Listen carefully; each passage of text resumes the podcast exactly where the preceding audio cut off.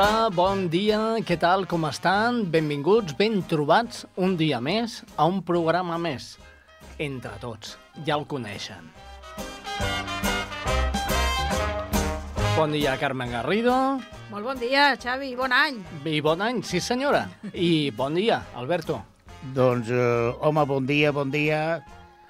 Aquí treballant, bon dia. Ah, i què? No sé jo, sí, vinga, bon dia. Va, per favor. Bon dia i bona hora, vinga, va, bon any també. Eh, tenim la cuinera, Pilar, bon dia. Bon dia. Com estem? I el Toni, que tampoc no parla, però és medio mudo, el Toni, eh, li podem dir, mmm, i bon dia. Bon dia, bon dia a tothom.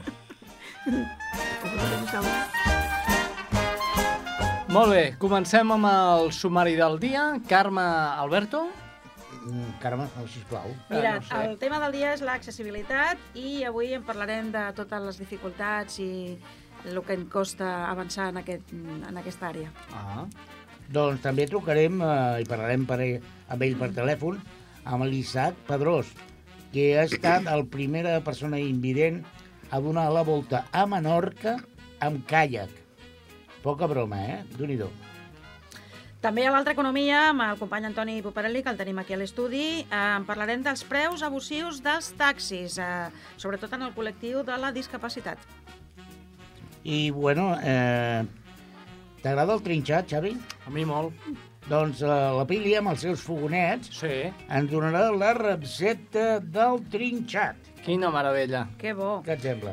També tindrem la, la, la trucada i la intervenció del company Eugeni Sánchez, que avui ens parlarà dels espais de jocs infantils que no són accessibles a les famílies amb discapacitat, amb nens o pares amb discapacitat. I per últim? Doncs, per últim, si ja dona temps... Sí, dona, dona. de què Dona diu- temps. Direm allò de què diuen les xarxes, Ah, doncs eh, tot això.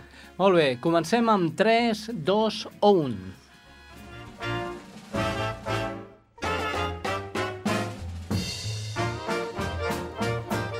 Doncs bé, com deia, tenim l'altra banda de l'aparell telefònic el company Isaac Pedrós. Isaac, bon dia. Bon dia, com estem? Què tal, com estàs? Molt bé, gràcies. Primer de tot, agrair-te agrair que estiguis en directe amb nosaltres, perquè sabem que ets un home molt ocupat. I, No, escolta, eh, a mi m'agradaria saber què és això de, de que vas donar la volta a Menorca en caiac. Explica'ns una mica, si plau. Bé, uh, en primer lloc dir-vos que estic afiliat a l'ONCE uh, arrel d'un accident de, de trànsit doncs, fa més de 5 anys. Doncs, uh, entre altres coses, vaig perdre la vista i bé, com us podeu imaginar vosaltres, doncs la, les dificultats que suposa tot això, no? Més enllà de, del canvi de vida, del dia a dia, etc. Però sí que és cert que de mica en mica, doncs, amb l'ajuda de molts companys i companyes, persones que es van creuant la teva nova vida, doncs et van fent diferents propostes i una d'elles eh, va ser mitjançant l'esport. Va ser conèixer en Rai Puig, caiaquista experimentat, un aventurer nat, un company que s'ha anat a fer Papua, a Alaska, tot sol durant setmanes i setmanes. Doncs em, ens proposa a Multicapacitats, l'associació a la qual estic, tinc la sort d'estar al capdavant, associació d'estudiants i, i exestudiants amb discapacitat de la Universitat de Girona, i ens proposa d'anar a fer caiac i a la Costa Brava, a Llançà concretament, a Messica Caiac, i a mida d'anar organitzant diferents sortides, a dia d'avui ja hi hem passat més de 100 companys diferents a, a gaudir d'aquest esport tan, tan meravellós que, que genera aquesta gran sensació de llibertat.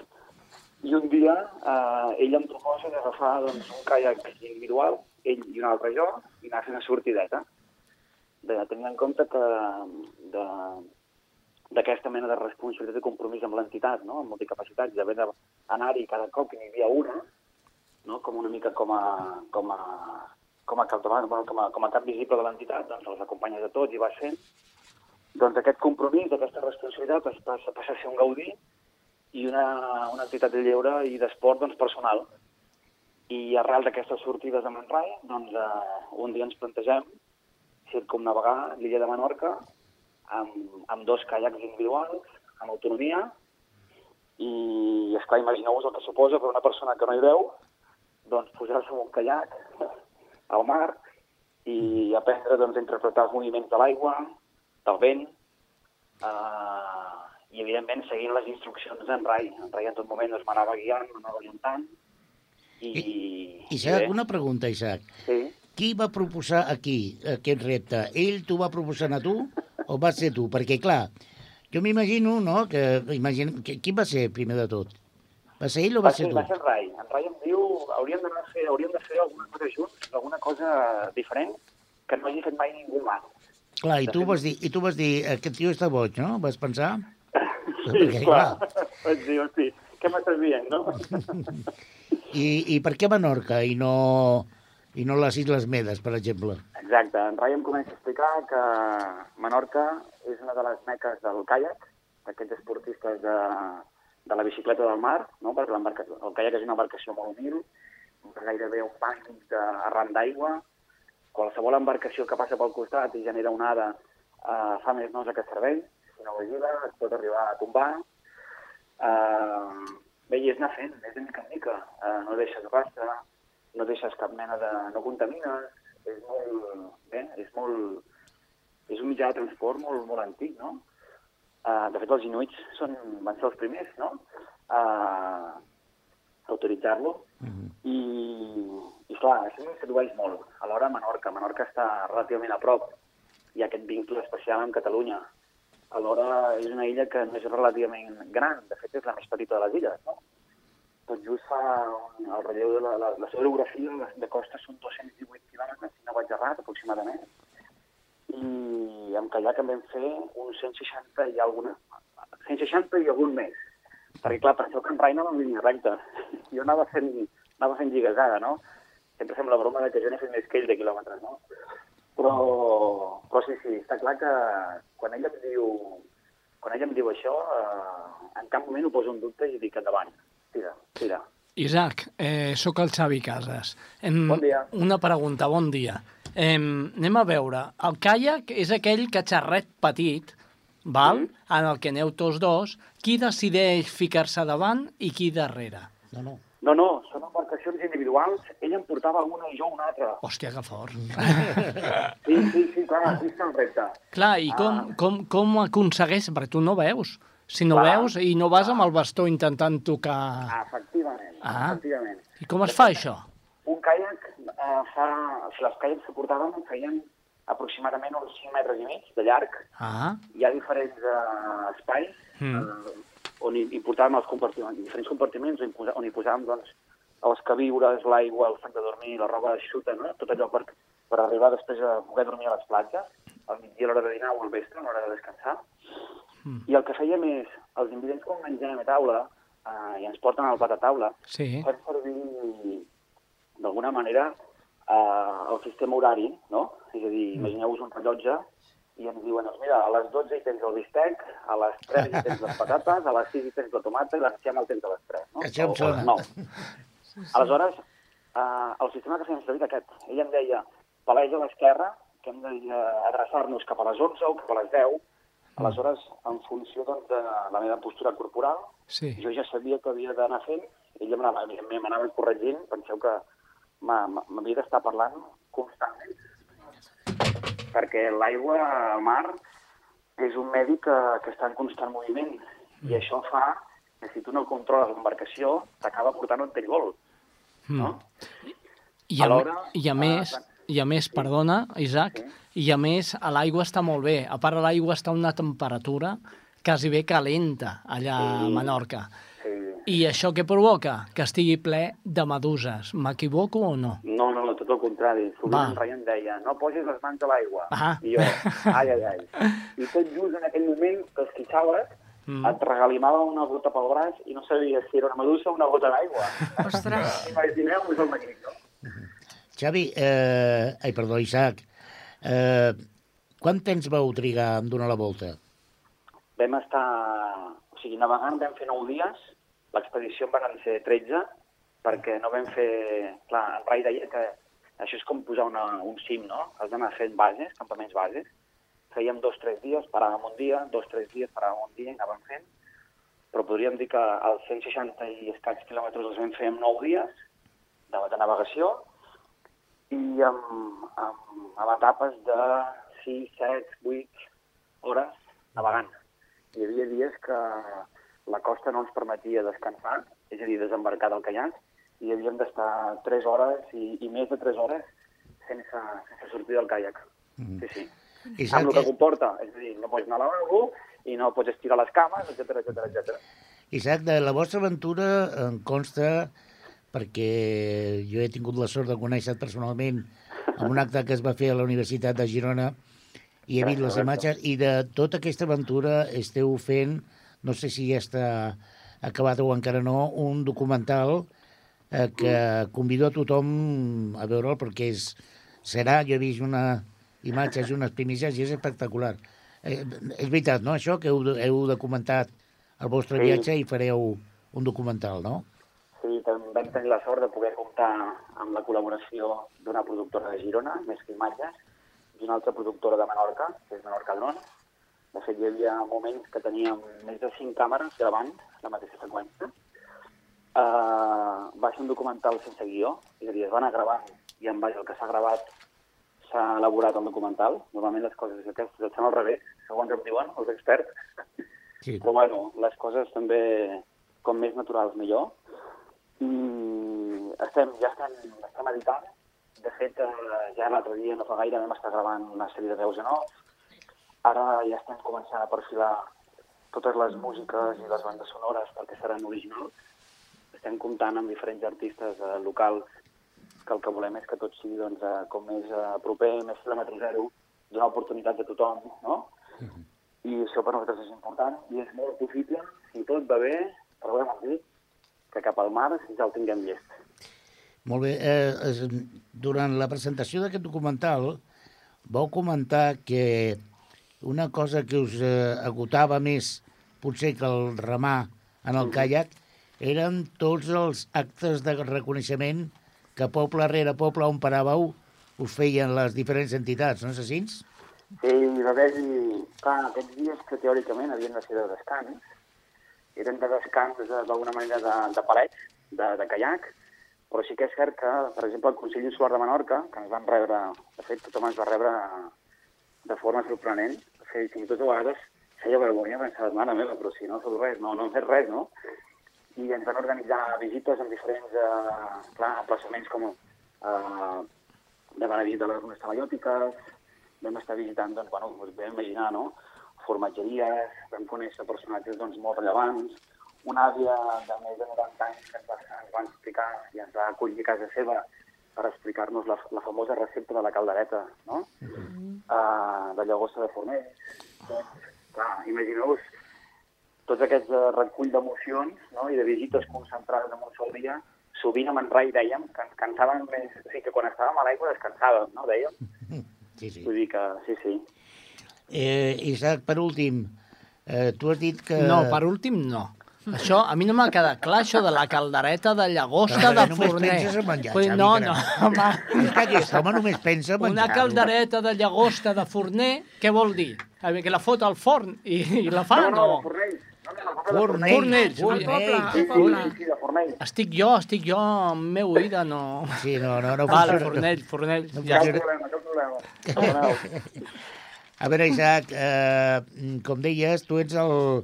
Eh, entès el director, entenc que el president d'una entitat que, que a nosaltres, com entre tots, ens interessa moltíssim no només conèixer, sinó abraçar-vos, que és multicapacitats.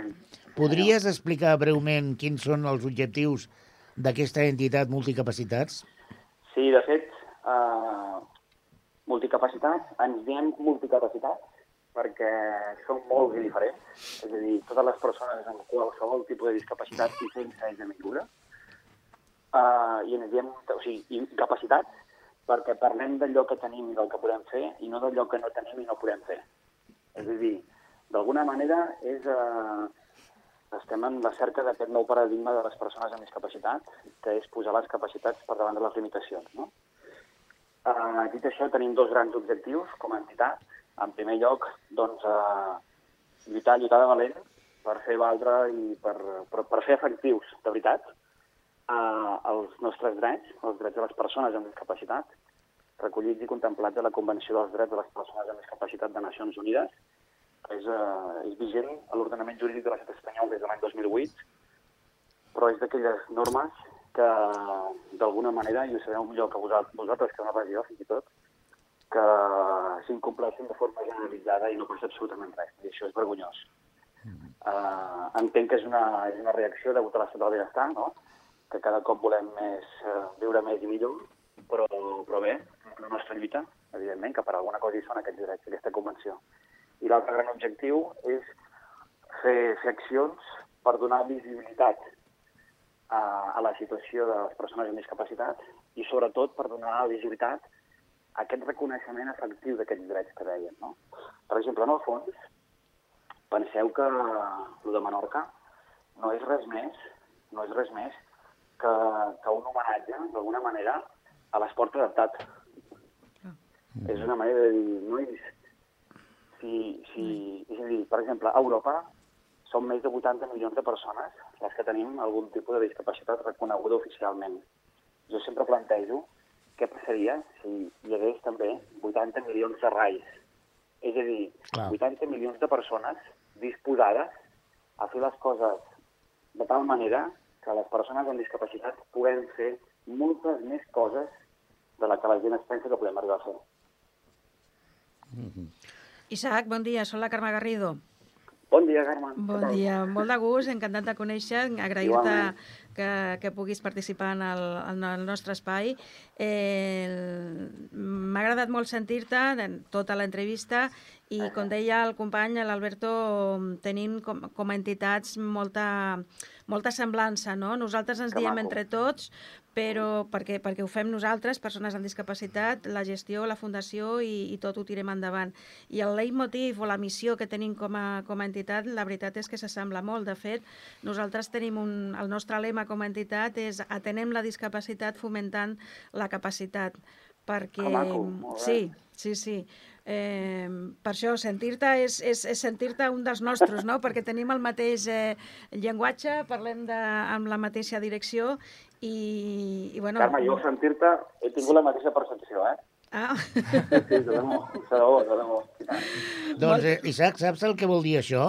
Sí, senyor, que ens trobem aviat a Ripollet. Eh, efectivament, ens veurem molt aviat a Ripollet o a Girona, o i a Girona, o millor encara, a Menorca.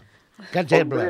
Eh, eh, escolta, no cal que et digui, però ho vull fer públicament, a banda de l'agraïment per atendre la nostra trucada, al dir-te que, òbviament, entre tots, eh, aquest humil programa, però que fet amb molta il·lusió i amb molt de treball també, està a la teva disposició, a la disposició de multicapacitats, la vostra entitat, per qualsevol eh, divulgació, promoció, informació que ens vulgueu donar. Per tant, des d'avui en dia i en nom dels meus companys, t'anomeno corresponsal del programa Entre Tots a Girona. Creciendo, Hombre, creciendo, creciendo. De molt bon grat, de debò, moltes gràcies. Doncs, Isaac, com no serà pas l'última vegada que parlarem, eh, més que acomiadar-te, diem fins, eh, fins una altra. I tant que sí. Fins ben aviat. Una abraçada i moltes gràcies. gràcies, A bon vosaltres. Bon dia. Adéu. Hola, sóc en Roger Pera. I jo, el seu pare. Tu ets el gran Joan Pera. Sí, també. I tots dos volíem convidar-vos a un acte solidari. Si plau, assistiu al vuitè certamen Fem monòlegs, en favor de l'esclerosi múltiple. Serà, preneu nota, el 8 de febrer del 2020 a les 19 hores a l'Ateneu de Cerdanyola. Entrades a 10 euros. Podeu comprar-les en el mateix Ateneu 24 hores abans o el mateix dia del certamen, Ah, i una altra cosa. El Roger i jo no hi podrem anar. perquè tenim teatre. Sí, però vosaltres gaudireu de ple que rima amb plaer. Pa- pa- Pare, què collons has dit? Ah, ara sóc el pare. Sí, pare en la intimitat, Joan Pera en públic. Ah, a la intimitat, com l'Aznar. Ah, Déu meu, estàs, estàs fatal.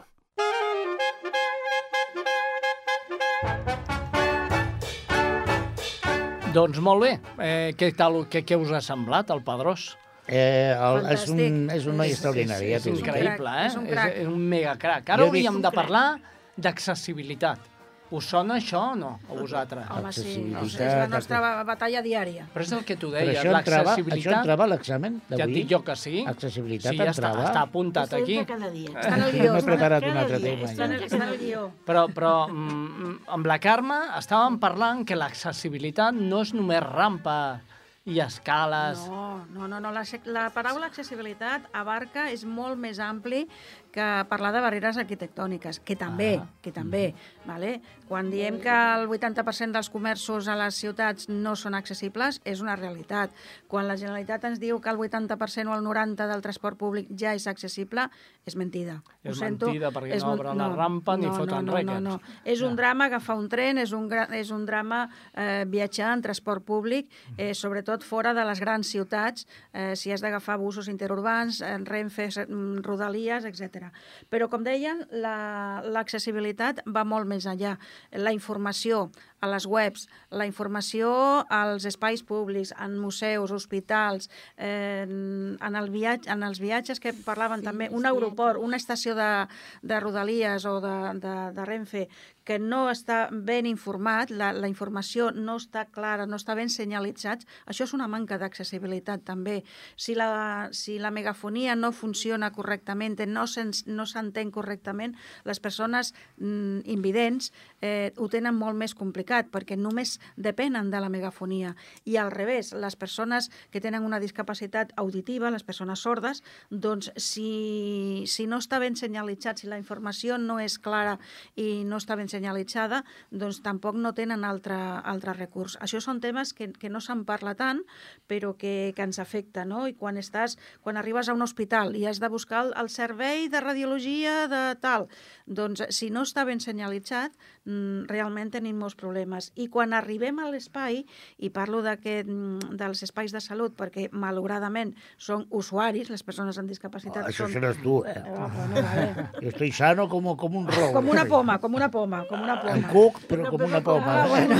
Sano sanote, no? Eh, és que Sano calla, sanote. calla, calla, calla, calla. Aleshores ens trobem que a lo millor, eh, si pots fer la transferència, pots fer posar-te a la màquina de radiologia, però què passa als companys que no poden fer aquesta transferència? Aleshores, eh, necessitem una ajuda tècnica, una grua en aquest cas. Moltes vegades aquesta grua no està a l'abast i t'ajuden, te volen ajudar agafant-te entre dos, tres sanitaris com si fossis un sac de patates. Això no és ni segur ni digne, ni per la persona professional, el sanitari que t'atén, ni per la persona usuària. Per tant, és una reivindicació que hem de, que hem de clarificar molt. A nivell cultural ens passa. Vosaltres aneu al cinema, al teatre... o Home, la- i no, tant, L'heu i tant. I Yo què? no, yo, yo, Yo, soy yo más soy de, usuario mm, de todo. yo soy más de leer el libro. De fet, eh, eh, eh, si heu escoltat I aquesta als cinemes i als, i als, Escolta'm i als bé. teatres? Si heu escoltat bé a la falca que he posat, el que passa és que no heu parat atenció. Però és un acte Estábamos obert, fumando porro. és un acte obert a tothom. Sí, sí. És sí, com sí. aquest programa, fet per discapacitats, però obert a tota la ciutadania. Home, i tant. Per això es diu també el programa Entre Tots. Sí, però jo vull dir una cosa. Eh? Jo vull dir una cosa. Sembla, Tu pots dir, pots Sí? dir. Si Gràcies. poder, tu, tu pots dir de tot. con la vènia. A veure, eh, eh, moltes vegades quan es parla d'accessibilitat, molta gent pensa que té res a veure, només eh, implica les persones que tenen alguna discapacitat. Mm. I no és pas veritat, no, això. No, Vull dir, quan es millora l'accessibilitat, tothom es, bene es beneficia. Sí, senyor. Senyalització, el que deia la Carme. On està radiologia? Home, eh, no cal ser discapa discapacitat per perdre's en un hospital. Ja dic jo que no. Vale? Ja dic jo que no. Per tant, falta, O en un aeroport. I si algú estat a estació. Vallhebron de Barcelona, ah, ja ho senyalitzen amb unes línies de diferents colors. Claro, però si eres ambliope, què? No, però bueno... Confons el groc amb el verd i ja està. Tot el dia No, no, fent però- anàlisi d'orina. Pero No pot vamos a ver. Alberto, las diferentes Como si rugosidades en Ah, que, que tienen los és colores, diferentes Clar, rugosidades. Clar, clar. Companys, hi ha un tema molt important, i és que i la norma, i hem de parlar de normes perquè, perquè la llei ens empara en aquest sentit, la norma diu que totes eh, les, les pàgines webs de- d'institucions públiques també han de ser accessibles. És a dir, no tothom tenim la facilitat de mirar la pantalla de l'ordinador i llegir el que, el que diu o buscar i remenar per internet, etc. A vegades fer una gestió, ara ens estan dient administració electrònica, perfecte. Eh? Estalviem paper, medi ambient, perfecte. Tothom podem fer una gestió uh, de manera electrònica a l'administració sense tenir barreres d'accessibilitat? Doncs no, no la podem fer, perquè hi ha moltes administracions que encara les seves webs no són accessibles. I això ho hem de tenir en compte. Les empreses públiques, les administracions, etc són una reivindicació que nosaltres hem de demanar. Estem parlant de drets. I el dret a la informació és universal per tothom per les persones amb discapacitat també. I no, mm, us donaré una dada mm, concreta i, i a veure si ens, si se'ns queda gravat. I una miqueta el que tu deies, Alberto, de que l'accessibilitat no només ens afecta a nosaltres, perquè nosaltres sem, som aproximadament el 10% de la població. L'accessibilitat per nosaltres és imprescindible. Si no un comerç no és accessible, nosaltres no podem entrar. Si un museu no està mm, bé, bé senyalitzat i ben informat, no arribarem a la sala on, on volem visitar. Per tant, eh, per nosaltres és imprescindible. Però pel 40% de la població, i aquí ja contem eh, famílies amb, amb nens petits, amb cotxets, gent gran, eh, gent que té una mobilitat reduïda temporalment, o etc. Aquest són el 40%. Per aquest 40% de la ciutadania és necessari. Però l'accessibilitat pel 100% de la ciutadania és qualitat de vida, perquè si podem passar nosaltres amb una cadira de rodes, podrà passar qualsevol, amb un cotxet, amb una maleta o amb una crossa. Si hi ha un espai ben senyalitzat, ho trobarem nosaltres, podrem arribar a bon puerto, a bon, a bon fi, i, i no tindrem problema. Per tant, la, amb, el, amb el tema d'accessibilitat, no només hi guanyem nosaltres, hi guanya tota la societat jo volia dir dues coses. Uh -huh. La primera, uh -huh. La manca d'accessibilitat és equivalent al racisme, al sí. machisme sí. i a la xenofòbia. Sí, senyor. I poso un exemple. Sí. Jo vaig a una botiga i em diu el senyor de la botiga, ep, no pot entrar. I jo, per què? Home, perquè hi ha un esglaó.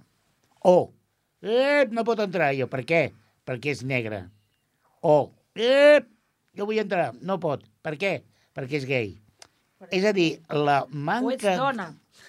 O ets dona, clar. Sí. És a dir, qualsevol eh, camí o pas vers a l'accessibilitat estem combatent no només a l'accés de persones amb mobilitat reduïda, en aquest cas, o, al, o amb algun tipus de discapacitat, sinó també combatent la xenofòbia, el racisme, sí. la homofòbia, el masclisme, etc etc.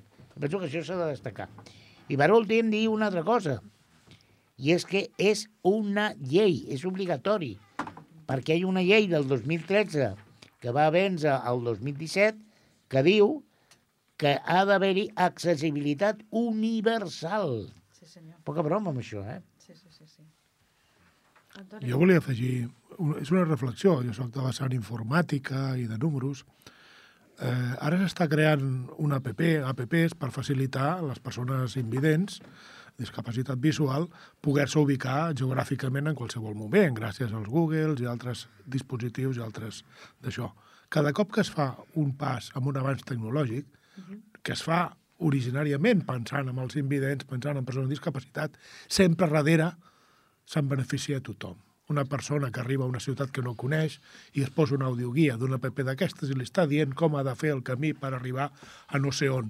I això val per un invident i per una persona normal. Per lo qual, qualsevol inversió que es faci, això ha de tenir en compte també a l'hora de fer, de fer coses, esforços econòmics, el desenvolupar coses, pensant en primera mà per persones amb discapacitat d'algun tipus, sempre darrere hi venen els scooters que hi ha que faciliten els moviments a les persones gent gran. Tantes coses que s'ha fet inversió tecnològica sempre s'acaba beneficiant tota la societat. Igual que parlem, tens una escala, tens una rampa, per on aniràs, doncs el mateix val per qualsevol altra cosa. Hem d'obrir la vista a que qualsevol inversió que es faci, pensant en aquest col·lectiu inicialment, però que sempre després a darrere es beneficia a tothom.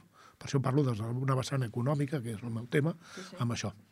No, no, és absolutament. I a més a més, en el camp dels apps i de la, dels smartphones, que són elements eh, apèndices del nostre cuerpo, diria jo, vull dir, hi ha apps que, que neixen amb la voluntat de facilitar eh, qualsevol discapacitat, però també hi han apps que es poden aprofitar. Per exemple, jo no fa gaire eh, estic provant un eh, transcriptor en, que ha nascut amb la idea de que eh, tu, per exemple, vas a una conferència, poses el telèfon al costat del que està parlant i el programa eh, t'escriu el que, el, que, el que sent. I fins i tot aquest mateix programa, aquesta mateixa aplicació, et permet traduir en un altre idioma el que està escoltant. Això per un sord és vital. Vull dir que en un cas d'emergència, eh, tot i que algun dia hauríem de dedicar, és una proposta que deixo sobre un, sobre el llenguatge de signes, sí. jo sóc força crític amb el llenguatge de signes, i ho he de dir, però bueno, això no vol dir que no, que no sigui ni necessari ni útil, però bueno, aquest tipus d'aplicacions afavoreixen la comunicació entre persones que tenen una diferència, ja sigui perquè alguna de les dues o les dues tenen una discapacitat, però una altra diferència pot ser l'idioma, que un parla anglès i l'altre xinès, no? Doncs eh, penso que eh, estic absolutament... Sí, sí, no, al final és que aquests, aquestes eh, eines acaben capacitant a fer coses que no, no són de discapacitat, són de, però realment dues persones que no s'entenen l'idioma, això capacita que l'altre entengui el que tu estàs dient o pugui llegir-lo escrit, traduït, no, al seu idioma. Hi ha un que idioma som- que és molt difícil d'entendre i és el dels nanos, els dels petits Ah. que van a jugar als parcs infantils. Aquests també han d'estar adaptats, no? I tant, Toni? per suposat, clar, per Per suposat. descomptat que jo sí. feia la pregunta, però sé que tu ens pots Però no- parlar però no dels només- adaptats. No només de la- l'accessibilitat per als nens que puguin jugar, que puguin, sinó també pels pares que puguin ser, tenir discapacitat de qualsevol tipus. Una persona cega que té un fill i que el porta al parc ha de, d'alguna manera, poder-se bellugar en aquell espai per, per ga- gaudir del seu fill i que el seu fill pugui gaudir, que no el tingui que prohibir o deixar de fer coses o, o dependre d'altres persones per fer alguna que és el més natural que uns pares acompanyen el seu fill a, a un, a un lloc d'esbarjo. Bueno, és el que dèiem abans, no? que quan parlem d'accessibilitat no només és pel col·lectiu, sinó que és qualitat de vida per tota la societat, no? i això és, és, és important. Per tant, eh, ho deixem aquí avui parlant d'accessibilitat perquè tenim altres àrees que també parlarem, aprofundirem, per exemple, amb el tema del, dels parcs infantils, uh -huh. però és un tema que, que serà recurrent i que, que mica en mica anirem desgranant en altres espais en, en temes concrets. Jo crec que el repte del primer de la, la dècada dels anys 20 del segle XXI és precisament superar la barrera d'accessibilitat, és a dir, que tot sigui accessible. Jo crec que aquest és el repte eh, i serà un dels últims reptes, Carme. que haurem i de superar, podrem que tu i jo podrem superar, no? Bueno, és el que ens marca concretament el, el nostre col·lectiu el, el tenir una vida autònoma o no, perquè eh, tu pots lluitar per tu mateix, però si la societat eh, continua mantenint barreres, nosaltres continuem, continuem sent presoners de la nostra discapacitat, no? Per tant, és, és un tema que, que interessa globalment. Doncs molt bé. Aquesta meravellosa sintonia ens porta en recull i ens porta cap a on, Albert? Cap a la pela, tio, La cap pela, a la la, pela. la pela. L'altra economia. Eh? L'altra economia amb Antoni Puparelli, que el tenim aquí avui, eh? Sí, sí. El tenim aquí, Mira, és el que hi ha. De fet, no l'ha marxat a casa des de l'últim programa. Sí, senyor. Ha passat aquí el Nadal. Sí, no? Sí, sí, sí. sí. Per alguns seria una Al línia. cap d'any s'ha fotut, s'ha fotut la, la, el raïm, se l'ha El fotut raïm, aquí, el no? tortell de Reis, tot, tot, tot. Per això no he Antoni. trobat, per això no he trobat res aquí. Vinga, de què parlem avui, Antoni? Vale. Avui parlem, sempre parlem, parlo de temes que tinguin que veure d'alguna manera a la part, la vessant econòmica, de qualsevol tipus en el món de la, de la discapacitat. En aquest cas, eh, parlem d'una cosa que se pot semblar tonta, però si no un no pensa, pues, el preu dels taxis per les persones amb discapacitat. De tonto res. Ja, imaginem que comprem un bitllet d'avió i hem d'anar a no sé on i que pel fet d'entrar et diuen no, la cadira de rodes l'ha de facturar i pagar per ella pels quilos que representa. O una persona grossa, de tamany de Bueno, de fet, 120, amb la cadira passa. 130 quilos, eh, això tindria que pagar per la, per, pel seu pes personal una tarifa diferent. Imaginem això. Això passa amb els taxis. Pot semblar, i no pel pes de la persona, sinó per un fet de no disponibilitat, de que és car, de que s'ha privatitzat tant, de que una cosa que és un servei públic, inclús prestat per servei per, per empreses per empreses privades, com poden ser els avions, no? Paga el mateix una persona que tenia discapacitat que no, i a la cadira va en cabina sense sobrecost. Eh que no, no paga una persona per sobrecost amb un avió? Doncs pues el mateix hauria de ser en el món del taxi, sobretot ara que es parla de les VTCs i dels seus serveis, que es perd el concepte de servei públic. Uh -huh. eh, quan es fan les coses privades es mira només la part que, que és més rendible, però també ha d'haver el que diuen la torna, de, de fer també allò que obliga com a servei públic a fer les coses. No pot ser que una tarifa una persona que truqui a un servei de taxi i quan digui no, és que necessito un eurotaxi perquè tinc un vaig en cadira de rodes i li diguin que el preu mínim és de 13,50 euros a l'àrea de Barcelona. Mentre que una persona sense discapacitat truca, el preu mínim és de 2,25. Ja. Estem parlant de 5 vegades més. Quin greuge comparatiu més... És un greuge comparatiu, a part, amb una manca de disponibilitat. Una persona amb discapacitat no es pot posar al carrer a parar un taxi, mm. perquè la probabilitat a l'àrea metropolitana de Barcelona de que trobi un taxi, un eurotaxi, que sigui capaç d'entrar a la cadira de rodes, és baixíssima. Uh -huh. Per llei tindria que haver un 5% de vehicles adaptats. Un 5%. No arriba ni a l'1%. Uh -huh. I a part, per més greuge, en alguns casos la mateixa administració se la menja. Uh -huh. Per exemple, poso el cas de l'àrea de la ciutat de Barcelona, on el servei porta a porta establert doncs, per l'àrea d'això per garantir accés a serveis, a, a llocs públics, etc de persones amb discapacitat que van a cadira de rodes, pràcticament mengen el 100% d'aquest 1% de vehicles. Per la qual la probabilitat que una persona amb discapacitat estigui en les mateixes condicions d'accedir a un taxi que una persona sense discapacitat és pràcticament impossible de gaudir. Per tant, l'única manera és trucar a un servei i donar de la baixa com a mínim 24 hores abans. Imagineu vosaltres que necessiteu agafar un taxi i que us sortiu al carrer i diu no, no, miri, jo passaré demà a aquesta hora, no, demà a aquesta hora. I a part li cobraré 5 vegades més car. A part 5 vegades més car, no és que digui per venir ara et cobro 5 vegades. No, no, pago. Eh? O sigui, 5 o 6 vegades més. Aquest és el greuge comparatiu la llei hauria de ser més forta i més responsable. I a l'hora d'arribar a pactes amb els UBTCs, amb els Cabifys, amb no sé què, i liberalitzar, que està bé, ningú diu que no es pugui liberalitzar, però ha de fer tot el servei complet. I això el mateix que amb els avions està reglamentat, que també té la seva part, la seva, la seva sí. problemàtica, no oblidem, ja entrarem un dia amb el tema, sí, sí. però com a mínim, des del punt de vista tarifari, sí que compleix amb les normes d'igualtat cap a tots els col·lectius, doncs el mateix tindria que ser en el món d'aquest. I això és una denúncia que es fa pública en moltes associacions. El món de les persones discapacitades, com que hi ha poca disponibilitat, tampoc ho denuncien. Jo crec que, jo perquè crec si, que... no els, si no els, els perjudiquen, perquè moltes vegades els deixaran d'anar a buscar, perquè Clar. si estàs denunciant, com faré un servei? Soc una empresa privada i faig el que vulgui. No? Jo crec que la solució és molt senzilla, eh? Ho, ho trobo facilíssim. Eh, a veure, no és, de, no és ràpida, no és a curt termini, però és eh, homologar un model de taxis únic, com hi ha a Londres, per exemple. És a dir, el taxi ha de tenir unes característiques X i tots els taxis han de ser iguals, privats o públics. Han de ser iguals i, i per exemple, a Londres, amb més o menys comoditat, això també seria discutible, qualsevol taxi pot acollir una cadira de rodes en el seu interior. Jo crec que per aquí ha de passar sí? la solució. És així? Sí, així és. No així sé, és. no, no, no, si ho dic Home, per desconeixement, jo, eh? Seria una igualtat d'oportunitats. que és Clar, una que- igualtat d'oportunitats.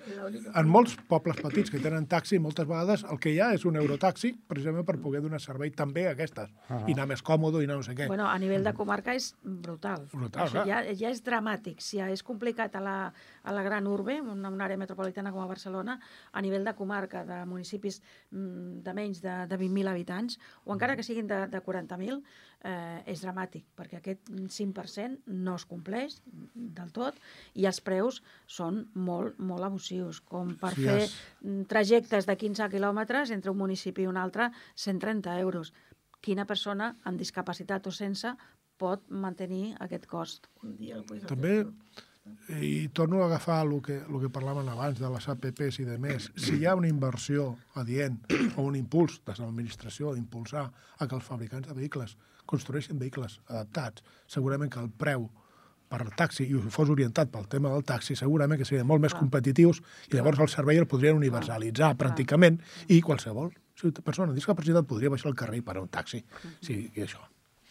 Jo crec que per avui deixem el tema aquí, però tinguem-lo present i des dels col·lectius i de més intentem a fer pressió i les persones que ja sentin greuges no, no, no, podem fer denúncies nosaltres com a associacions. Per tant, dirigeixin a les associacions Sí, sí, sí, el tema. i com a particulars. I com a particulars també, Sí, sí, però si sí, se sí. senten amb por o el que sigui, doncs poden acudir a nosaltres per, per I fer-ho. tant, i tant, i tant. L'altra economia d'Antoni Puparelli, però de l'altra economia anem a l'altra mirada, d'Eugeni Sánchez. Escoltem-lo. Hola, què tal, com esteu?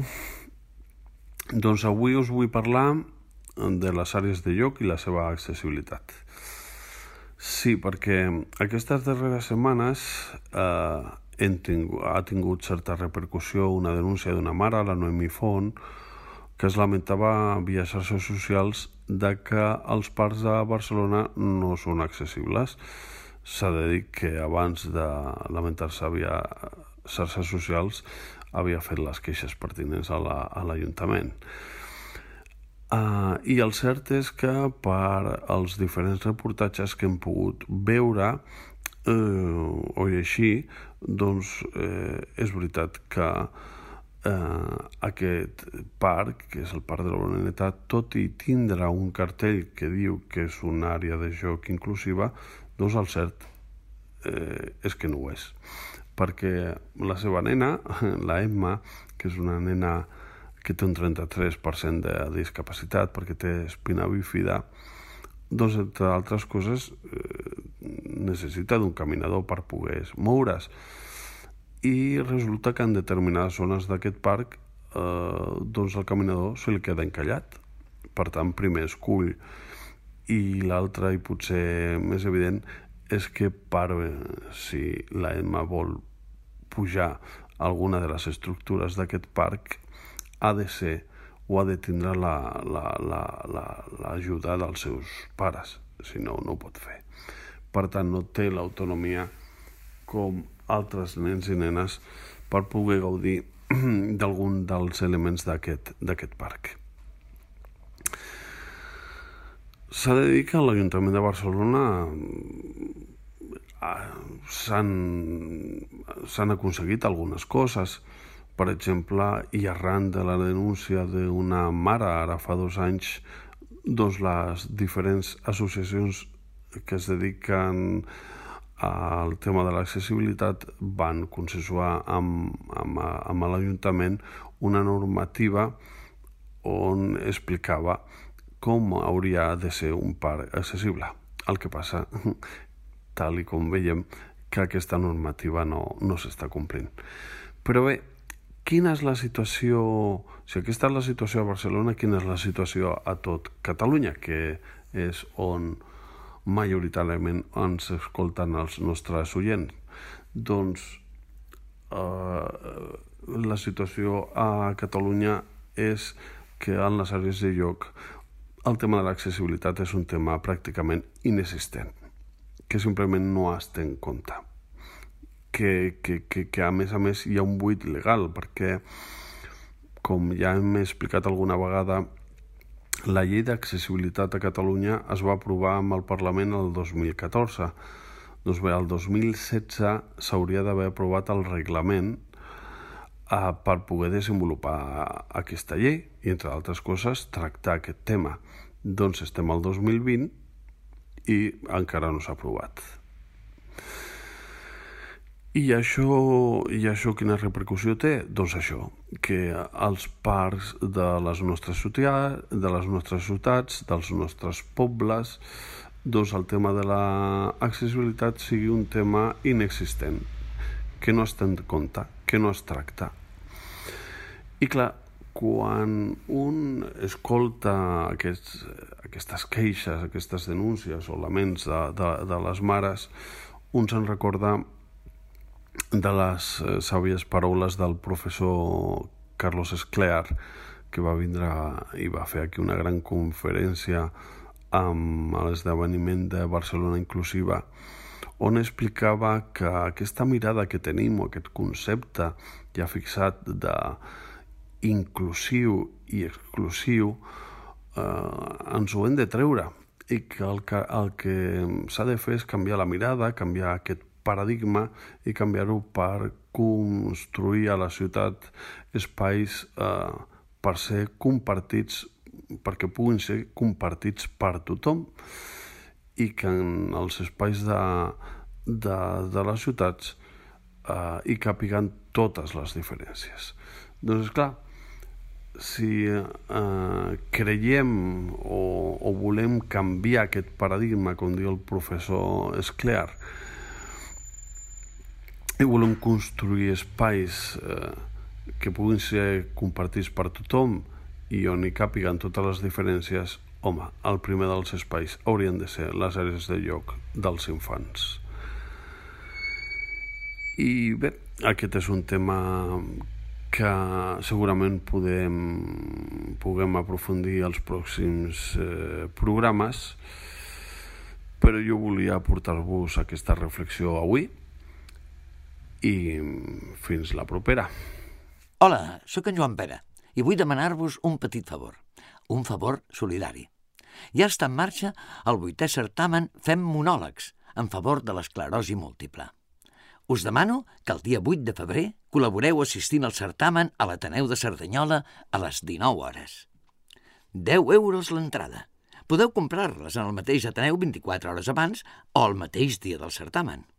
Jo no podré venir, però vosaltres gaudireu de ple, que rima en ple. Per favor, veniu. Gràcies anticipades per la vostra solidaritat. És l'única persona que permetem que ens miri malament. Sí? Sí, l'Eugeni. Bueno, Ah, però, a ver, pero fan carinyo, ¿eh? Fan, bueno, es que primero dispara y luego pregunta, ¿sabes? Ell, ell va mirant, Sí. amb mala cara, per si de cas. Le dice, no te veo. Pilar, Ai, ara ve la meva secció favorita! trinxat. Trinxat. El trinxat de la Pilar. Això mateix. I punto. ¿Vale? Què fem? Va, Pues un trinchar rico. un A trinxat. mí me encanta. Es que me gusta mucho la col y la patata. También Vaya. hay que decirlo. Y como este lleva col, patata, bacon, panceta Ay, ay, ay, ay, ay, Uy, ay. uy, uy, uy. Hay las calorías sigue, de Eso sigue. es lo malo, eso es lo malo. Hay El las sigue, el aceite, la sal, los ajos y yo le pongo morcilla de mi pueblo. Y la morcilla de mi pueblo es muy pecado. rica, porque claro, es de león. De León. Ah, morcilla buena. Es que además picantita, es Eres una leona, hombre. Bueno, en Bueno, es una receta molt de, molt d'hivern, oi, Pili? es de invierno, claro, yo lo he hecho por ese motivo. Venga, Vamos a ver. Porque por las venga, va. calorías no lo he hecho. Espera, tomo nota, venga. Vamos a Venga, Vamos a ver. empezar. Se corta la col y las patatas y, la- y las ponemos a hervir, pero por separado. Porque si las ponemos juntas, eh, la col da mucho agua a la, a la patata. Entonces tiene que estar todo muy escurridito. Cuando está bien escurrido, de una vez cocido, lo chafamos, la, la col la- también la trinchamos lo que máximo que podamos y, y las ponemos eh, en el- la miramos unos ajos primero y las ponemos en, un- en una, una sartén. En la sartén mm, la- vamos que los ajos se hagan bien hechos y luego incorporamos la patata y luego poco a poco la col. Lo tendremos en- y la hacemos un poquito en forma de, de tortilla de patata. Y la dejamos ahí. En otra sartén hacemos, la- hacemos un poquito de, de- l- la, la panceta viada Uy, uy, uy, uy, uy, uy, uy. o el bacon, como queráis. Las Primero la dos, panceta las dos viada. cosas. No, prim- primero la panceta viada y las ponemos de aquella manera que estén tiesas, tiesas, tiesas y las dejamos aparte. Luego, Sí, torradet, no, Pili? Pero sí, sí, yo, yo, yo, y luego el, el, el bacon muy, muy pequeñito y muy trocitos pequeñitos, pequeñitos y muy hechito también. Lo dejamos aparte. Y luego la morcilla. Le quitamos la piel, le hacemos toda la morcilla, todo junto, todo junto. Por favor. Y luego ya lo ponemos aparte en otra sartén, o sea, ponemos la morcilla sin la piel, claro, y lo vamos dando vueltas, dando vueltas, y lo juntamos todo con la patata y la col. bueno, aquello está delicioso. Cuando ya acabamos de, de ponerlo, volvemos a poner todo otra vez como si fuera una, pata- una tortillita de patatas. Le damos vuelta por un lado, por el otro, y lo vamos haciendo formita o de patata, o de tortilla de patata, o de tortilla francesa, pero así la, la, la regadita queda muy rico. Y luego cogemos las, las viadas, la, la, esto viada, la, Cansalada. la panceta viada, y la ponemos así pinchada. Y queda delicioso. Fijaros que es rápido. Madre Sí, mía. y te olvidas una cosa. Una cosa y además súper importante. No.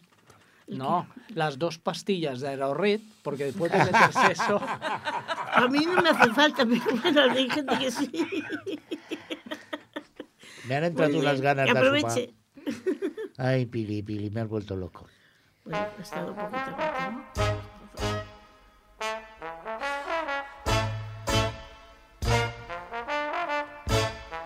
i amb aquesta alegria que ens caracteritza, a tots, moltíssimes gràcies per haver estat aquí un dia Perdona, més. Xavi, eh, sí, què? Acabo de rebre una trucada de protesta Ja hi som. De l'encarregat de la secció que diu a les xarxes. Portem sis programes i encara no hem fet cap ni un. És que, és que No, no, no, està molt emprenyat, eh? Ja no tenim dic, eh? temps, no tenim temps. M'ha llamat el senyor Google i m'ha dit que què passa. Què passa conmigo, no? He dit Home, però, però molt breument us puc dir que les xarxes aquest dia, aquests dies treuen foc eh, en protesta perquè, per una banda, la, el govern de, de la Generalitat diu que ha, incrementat eh, les ajudes per benestar i família, per les famílies que tenim necessitats especials, entre 1,2 i un 5% de les tarifes de cara a serveis socials en, en temàtica de discapacitat i des de com i les entitats de la discapacitat no estem d'acord, és del tot insuficient i a més si tenim present que venim d'anys de, de retallades amb temes socials i, i de salut, doncs eh, això no, no arriba. Necessitem, hi ha una necessitat imperiosa eh, amb aquestes ajudes i les xarxes realment aquests dies treuen foc. Yo proposo que la semana que ve hablaremos del gobierno. Hablaremos. Hablaremos del Bien gobierno. o mal, però que se hable. Ja està. Bueno, senyors, marxem. Gràcies a tots per la seva atenció. Tornem, D'aquí 15 dies. sí, no? Més o menys quin dia acabarem.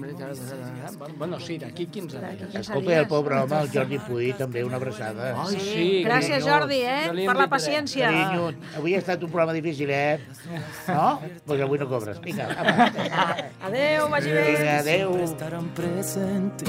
A veces sonrío sin ganas y al revés. Que a nadie importa, nadie tiene que saber. Y aunque las cosas con el tiempo no se olvidan, voy a estar más alerta, más tiempo conmigo. Que cada vez soy más consciente que la vida, sin darnos cuenta, se consume en un suspiro.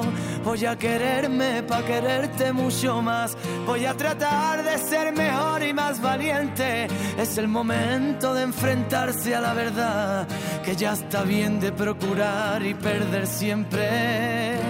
Recuerdo que un día fui fuerte. Recuerdo que no juzgué a nadie, porque cuando me siento débil, aún sigo queriendo, queriendo matarme. Qué duro es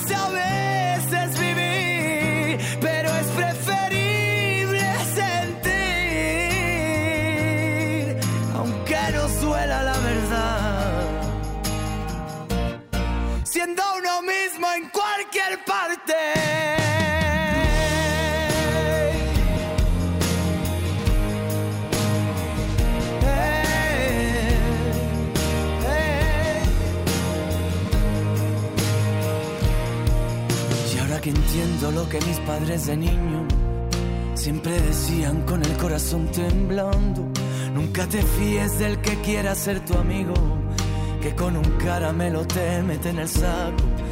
Y piensa si eres uno más de los que estrellan su tiempo en un televisor de color rosa. Y si es verdad, yo fui dote que te molesta. Si no te gusta otra cosa, mariposa. Dice un amigo que no tenemos remedio. Abrir el corazón siempre nos sale caro. Que no me importa lo perdido si es sincero. A mí me importa todo el vino derramado. Yo que forjé mi historia con los buscavidas. Pierden el tiempo los que intentan que me frene. Por eso ahora si me escuchas, no te rindas. Siéntete libre y orgulloso de quién eres. Recuerdo que un día fui fuerte. Recuerdo que no juzgué a nadie. Porque cuando me siento débil, aún sigo queriendo, queriendo matarme.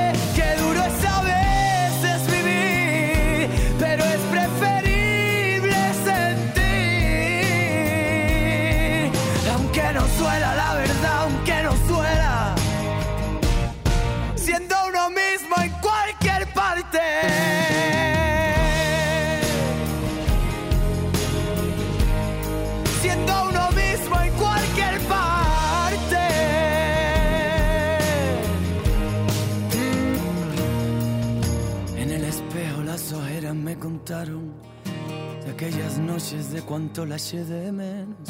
En la locura asesinando las llamadas. y en cada muerte despertaba un nuevo intento. No quiso verme y ahora es quien me anda buscando. No es que no quiera que me encuentres, que mi sueño lo estoy viviendo con una mujer sincera. Ella es la reina tú una princesa del cuento. Que no se trata de querer ser más que nadie. ¿Y por qué piensas que me lo monto de artista? Más bien me pasa lo contrario muchas veces. También me siento pequeñito en esta vida. Vale la pena pelear por nuestros sueños. Vale la pena equivocarse y levantarse. Vale la pena liberarse y ser el dueño de la verdad siendo uno mismo en cualquier parte. Recuerdo que un día fui fuerte. Recuerdo que no juzgué a nadie. Porque cuando me siento débil Aún sigo queriendo, queriendo matarme. Qué duro es a veces vivir, pero es preferible sentir.